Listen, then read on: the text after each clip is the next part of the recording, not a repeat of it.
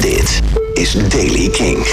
Nieuws over Genesis, Public Enemy, Pinkpop en de nieuwe single van Haim. Dit is de Daily King van woensdag 4 maart. Genesis zouden bij elkaar komen. Zonder Peter Gabriel, maar wel Phil Collins, Mike Rutherford en Tony Banks. Vanochtend, woensdag 4 maart, maakte BBC Radio 2's The Zoe Ball Breakfast Show een grote top secret bands announcement bekend. Een massive band zou weer bij elkaar komen. Het kwam al tot veel uh, gisteravond toen die tease werd geplaatst. Maar nu zegt uh, The Sun, de Britse krant, dat het absoluut Genesis moet zijn. Er zou ook al een Instagram-post van de band zijn. And Then There Were Free. Wat ook naar hun negende album refereert. Flavor Flav van Public Enemy zegt dat hij helemaal niet ontslagen kan worden. Hij werd zondag ontslagen vanwege een politiek ge geschil over de Bernie Sanders rally.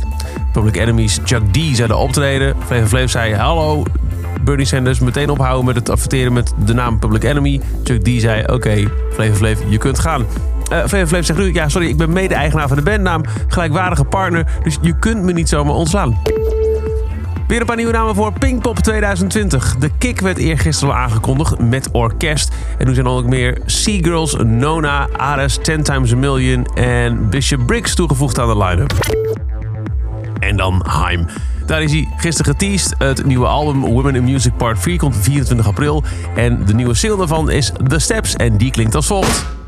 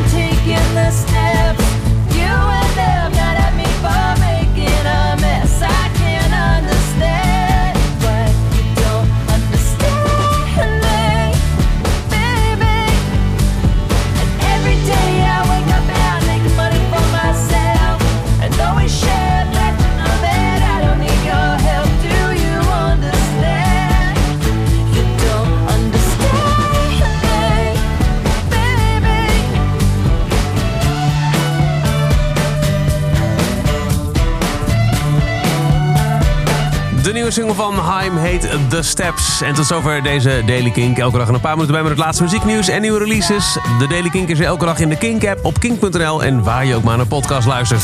Elke dag het laatste muzieknieuws en de belangrijkste releases in de Daily Kink. Check hem op kink.nl of vraag om Daily Kink aan je smart speaker.